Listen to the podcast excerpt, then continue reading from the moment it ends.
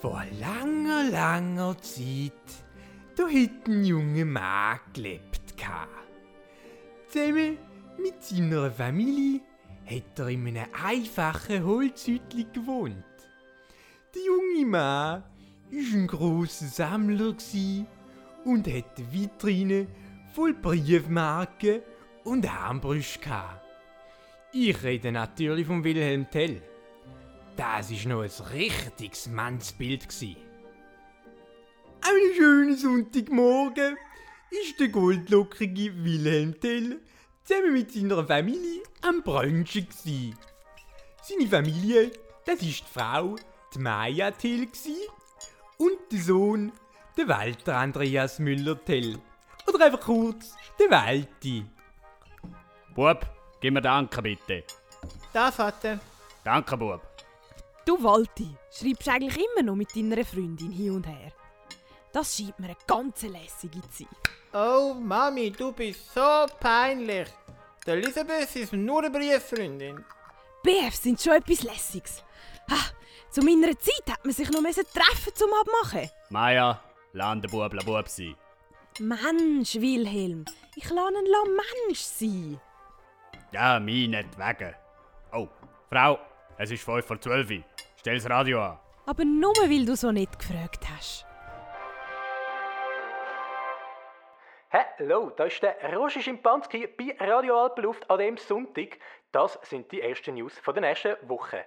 Der Beat Gessler himself, seinesgleichen bekannt als Landvogt von Habsburg, hat an der heutigen Pressekonferenz über die neueste Maßnahme informiert. Mehr dazu weiss über sie Außenkorrespondentin Susanne Blöchlingen. Danke, Roger. Die Pressekonferenz ist durch. Unsicherheit liegt in der Luft. Es sind drastische Massnahmen, die Beat Gessler, aktueller Landvogt von Habsburg, heute erlassen hat. Ab jetzt muss jede Bürgerin, jeder Bürger seinen Hut grüßen. Der steckt auf einer Lanze, mitten in der Dorfmitte. Ich stehe jetzt da beim Herrn Beat Gessler. Herr Gessler, wie ist es zu dieser Entscheidung gekommen? Schauen Sie, ich, sage mal so, nicht? äh, das hat etwas mit Respekt zu tun. Äh, Man sollte Ehrfurcht haben, nicht? Äh, Da gibt es auch ganz klare Facts zu, nicht? Herr Gessler, Sie reden da von konkreten Fakten. Können Sie da ein bisschen genauer darauf eingehen? Um was für Fakten handelt es sich? Na gut, äh, ich sag mal so, ich bin nicht so gut im Diskutieren jetzt, äh, aber ich muss auch mal wieder los, nicht? Äh, immer noch ganz viele politisches äh, Dings machen hier, nicht?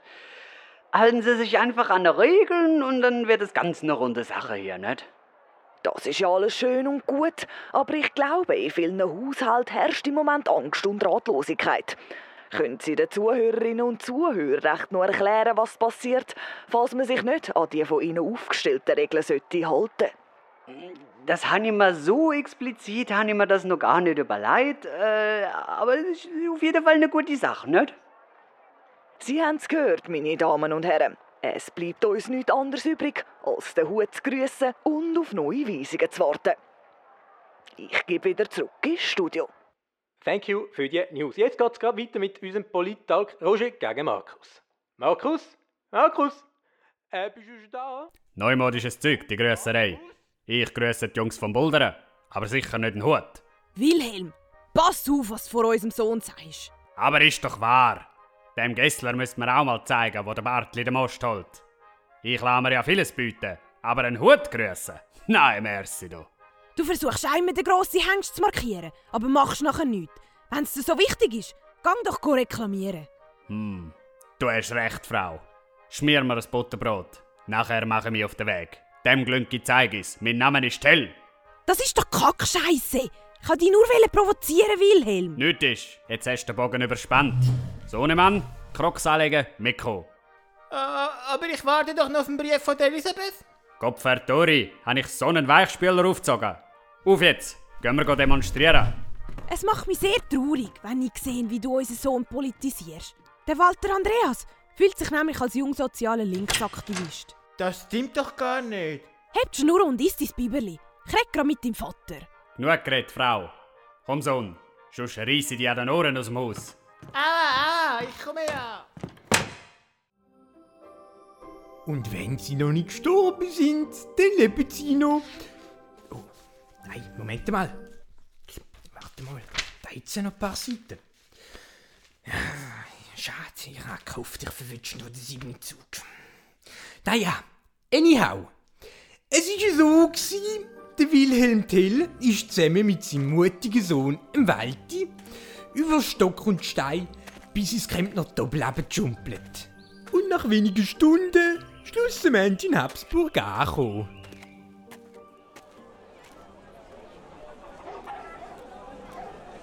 Sohn, halt dich Ausschau nach dem Hut. Wir sind doch gerade daran vorbeigelaufen. Dort hinten. Der Stab mit dem Hut, oder? Genau darum habe ich dich mitgenommen. Komm, Der Wilhelm und sein Sohn kommen zu einem grossen, dicken Stab, der mitten auf dem Dorfplatz steht. Ganz oben steckt ein Hut mit Federn. Während der Walti den Stock von Kopf bis Fuß mustert, lädt sein Vater plötzlich die Hosen runter. Vater, was machst du? Du bist so peinlich. jetzt wird da ein Stock angebrünzelt, bis an den Tobak. Hey, ihr dort! Was macht ihr? Bub, Ohrenspitze und Augenschleifen. Ich zeig dir mal, wie man mit dem Habsburger Gesindel umgeht. Mein Name ist Hell. Packen Sie Ihren Rüssel wieder ein, junger Mann. Sie wissen wohl nicht, wo Sie hier hinpinkeln. Sehr wohl wissen wir das. Gell, Bub? So, genug ist genug. Gessler! Oh, Vater, jetzt gibt's Ärger. Der Gessler kommt.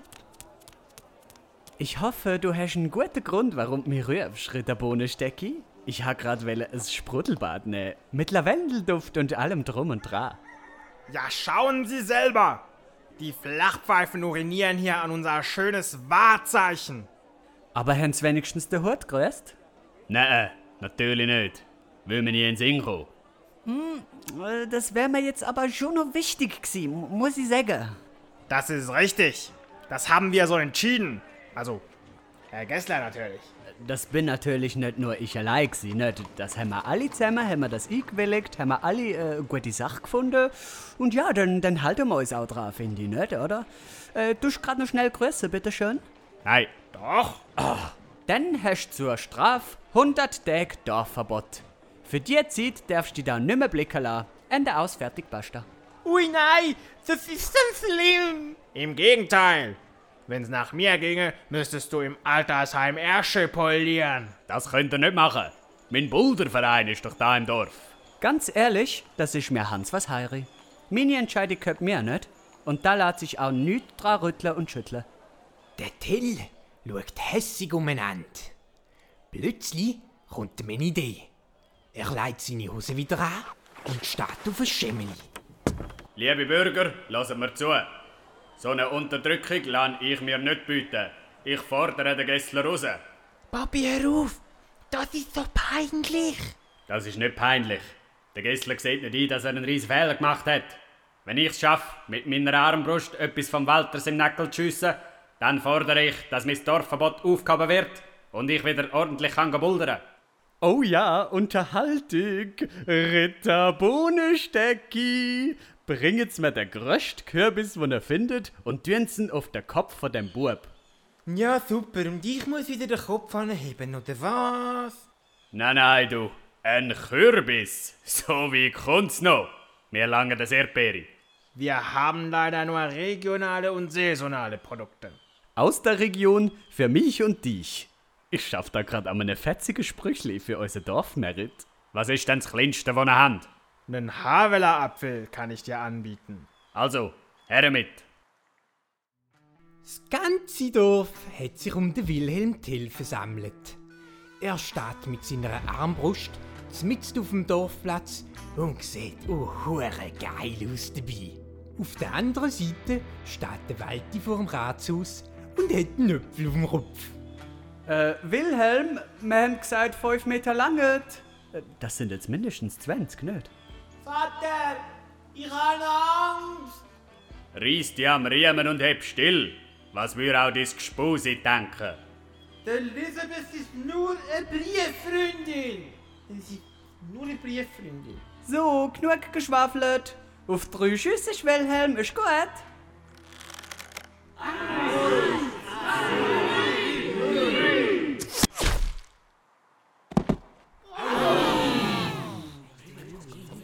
Oh, Scheiße! Der ist ja voll im Kopf. N nicht? Ah, Mist. Was sagt doch da meine Frau dazu? Ritter Bohnenstecki, Sie mir sofort den besten Dorfarzt, den wir haben. Das bringt auch nicht mehr viel, Herr Landvogt. Sein ganzes Hirn ist an der Wand zerflödert. Äh, also jetzt nochmal wegen Dorfverbot. Äh, gilt das jetzt noch, oder was? Du hast grad deinen Sohn umgebracht. Hinter Gitter sollten wir dich tun. Was?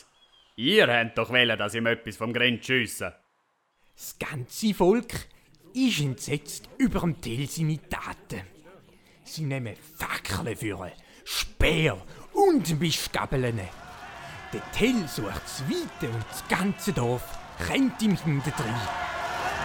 Nach einer wilden Verfolgung sagt, durch die Gassen und die Strassen kann er gerade noch in eine Bar hineinhechten und so seine Verfolger Schluss am Ende abhängen.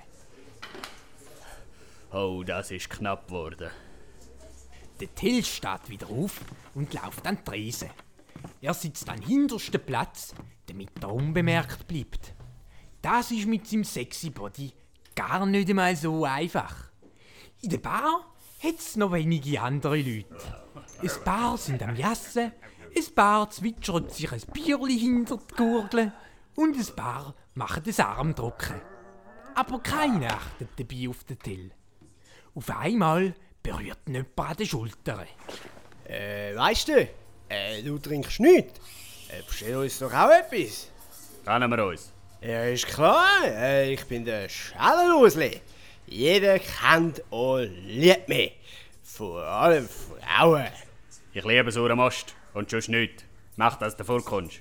Hey, Meister, ich habe es doch nur gut gemeint. Jetzt können wir uns doch kennenlernen. Jetzt! Zwei, zwei halbe für den Meister und mich. Bis du deine Rechnungen vom letzten Monat gezahlt hast, schenke ich dir gar nichts mehr aus. Äh, geht aber heute auf den Meister da äh, neben mir. Hey, das langt. Ich würde jetzt gerne in Ruhe gelassen werden. Äh, sag mal, äh, geht's dir eigentlich nicht mehr gut, oder was? Weißt du eigentlich, wer ich bin oder so? Ich bin eine Dorflegende! Eine Dorflegende! Das macht im Fall etwas mit einem, wenn dein ganze Dorf kennt. Jetzt geht das wieder los. Jahrelang bin ich abgefeiert worden. Vor allem äh, von den schönen Frauen. Zu Recht aber auch. Zu Recht aber auch. Immerhin habe ich die hohe Kuhglocke von dem verdammten Berg oben runtergelupft. Und zwar ganz allein. Ganz allein. Schelle Ursli, stopp! Ich schmeiß dich vor die Tür im Fall. Sogar die Hexen haben mich in ihrer Crew wollen. So, jetzt ist Schluss mit fertig. Für den Rest vom Jahr hast du Hausverbot. Kein Problem, dann suche ich mir halt eine neue Bar. Eine, wo man akzeptiert wird, so wie man ist. Die Leute lieben mich nämlich. Die lieben mich. Hey, sorry, gell? Schau da, das Bier geht aufs Haus. Merci. Das war der Schellenursli. Ganz eine traurige Geschichte, was mit dem passiert ist. Ich will gerne in Ruhe mein Bier trinken. Jahrelang ist er gemobbt worden. Interessiert mich nicht. Und dann, vor 30 Jahren, hat er am Dorffest Galanda Marz die grösste und schönste Glocke gehabt. Darum hat er den Umzug anleiten. Er ist von allen gefeiert und bewundert worden. Muss ich das Bier zahlen, damit du mich in Ruhe lässt? Die Medien haben sich im Fall auf ihn gestürzt. Alle wollten ihm einen Drink spendieren. Er ist aber leider immer mehr am Alkohol verfallen. Nicht einmal die Berghexen haben ihn von seiner Sucht befreien. Was für Hexen? Die erfüllen jedem genau einen Wunsch oder so. Aber ich glaube ja nicht an so homöopathischen Gugus. Könnt ihr theoretisch auch einen Toten zum Leben erwecken? Du, man munkelt, sie können alles, gell? Und wo finde ich die?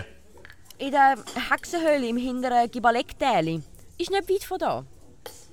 Der Till hat seinen Humpen oben abgekippt, hat sich ins Füdli hineingeklübet und ist was, ist was hast, ins Gibalektäli hinterher gewandert.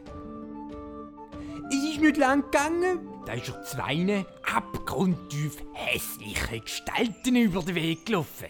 Excuse, pardon. Mein Name ist Tell. Ich suche die Hexe vom Gibalek Dali. Wo sind die? Hola, amigo. Du musst nicht mehr länger suchen. Habe ich nicht verstanden. Check ich nicht. Das ist doch ganz einfach. Wir sind die, die du suchst. Dann sind ihr die zwei Hexen. Bruchas Zwergegeister Sickeria. Du kannst uns nennen, wie du möchtest. Wir haben kein Geschlecht.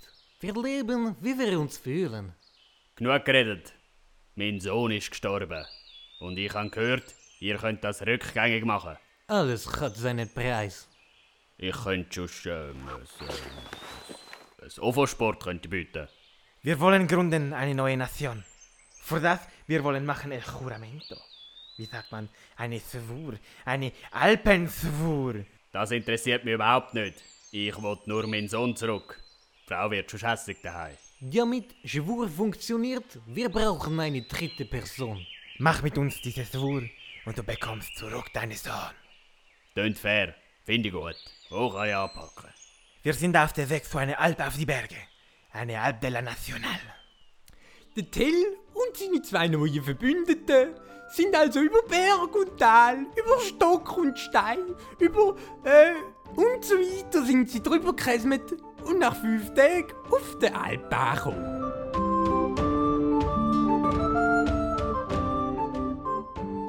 Die drei sind sehr, sehr stolz auf sich gsi.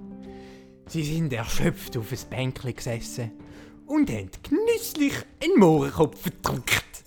Ja, liebe Kinder, das hätte man damals noch dürfen sagen. Nun, wir machen die Alpeschwur. Für das wir machen große Feuer.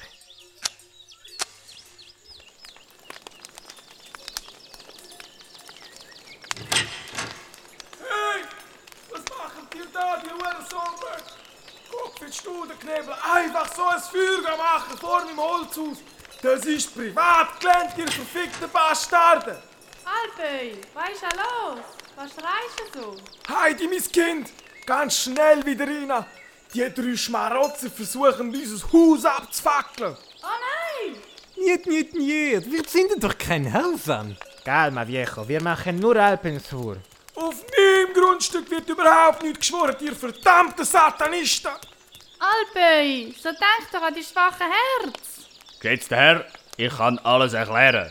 Aber von meiner Visa, die Ruhe Pajassa. Oh, kommen gescheiter mit mir mit. Ich kann euch die Rütliwiese zeigen. Die ist nicht weit von da. Dort könnt ihr machen, was ihr wollt. Das ist eine gute Idee. Das machen wir. Also, kommt mit. Ja, hauen bloß ab, Himmel, Arsch und Zwirn. Ich stell's doch. Schaut, da ist sie schon. Da könnt ihr euren Schwur machen.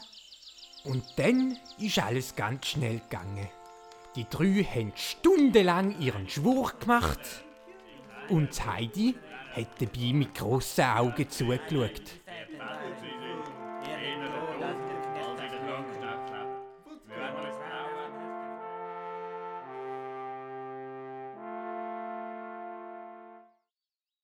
Amigos, wir haben es vollbracht. Wir haben gegründet eine Nation Helvetica. Geschadet hat sicher nicht. Ich habe meine Pflicht erfüllt. Ich möchte jetzt meinen Sohn. Voilà, bitteschön. Ganz langsam, Kollege. Wir haben nur benötigt eine dritte Person für den Schwur. Stopp! Nein, so ist das nicht abgemacht gewesen. Warum, du wolltest neue Kind? Es gibt genug Menschen auf der Welt. Nimm diese hier. Mich? Aber, aber ich wohne doch da beim Alpöi. Heidi, geht's noch? Ich hol mir doch nicht noch eine zweite Frau ins Haus. Chico, du bist zu wählerisch. Willst du lieber gehen ohne Kind a la casa? Zugegeben, ich will meine Frau nicht hässlich machen. Meinetwegen. Und so, liebe Kinder, hat dann der Tils Heidi unter den Arm genommen und ist auf einer Kuh Richtung Sonnenuntergang geritten. Die zwei Hexen haben am ersten Kantonsnamen umgestiert. Die eine wäre für Relevantodores und die andere für Uri. Der Gessler hat aufgrund der aktuellen Geschehnisse das alljährliche Knabenschiessen initiiert. Die Alpui ist davon ausgegangen, dass die Deutschen Heidi entführt haben. Und wenn er noch nicht gestorben ist, dann ist er heute noch auf der Suche nach dem Heidi. Und der Schellenursli, der ist vor der Zug gegumpelt. Und mit diesen schönen Worten entlasse ich euch in Feierabend.